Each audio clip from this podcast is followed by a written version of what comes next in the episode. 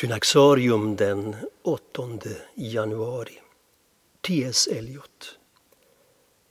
Thomas Stearns Eliot växte upp i en litterärt bevandrad familj. Tillsammans med sin bror, sina fem systrar och sin mor brukade han samlas omkring fadern när den om kvällarna hade högläsning ur Dickens eller någon annan klassisk författare. Det inspirerade honom till egen läsning och han började även själv skriva, i synnerhet poesi.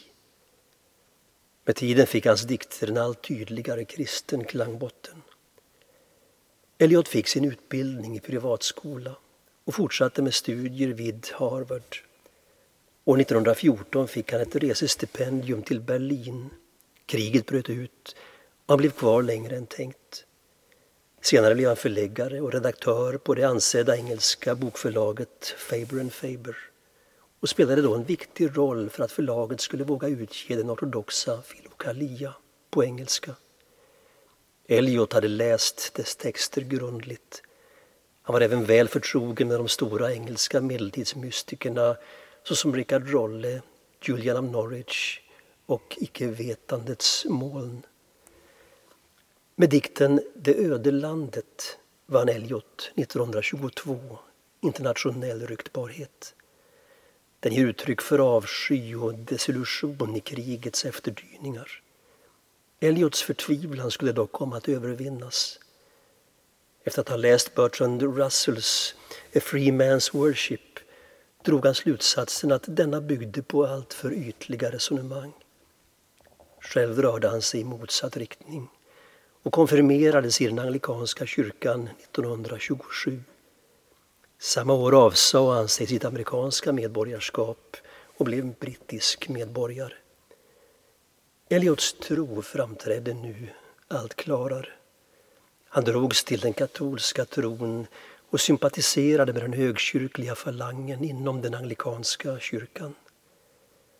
En viktig händelse i hans andliga utveckling var dikten Ash Wednesday som utkom 1930 om det svåra sökandets väg.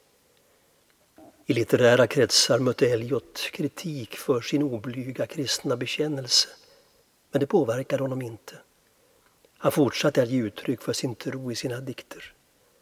Höjdpunkten når han i diktsviten Fyra kvartetter publicerad 1943. En meditation över människans förhållande till tiden, kosmos och Gud.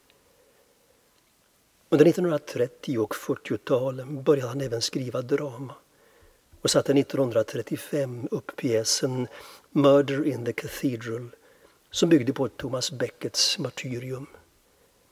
Sitt slutliga erkännande som författare fick Eliot 1948 då han tilldelades Nobelpriset i litteratur.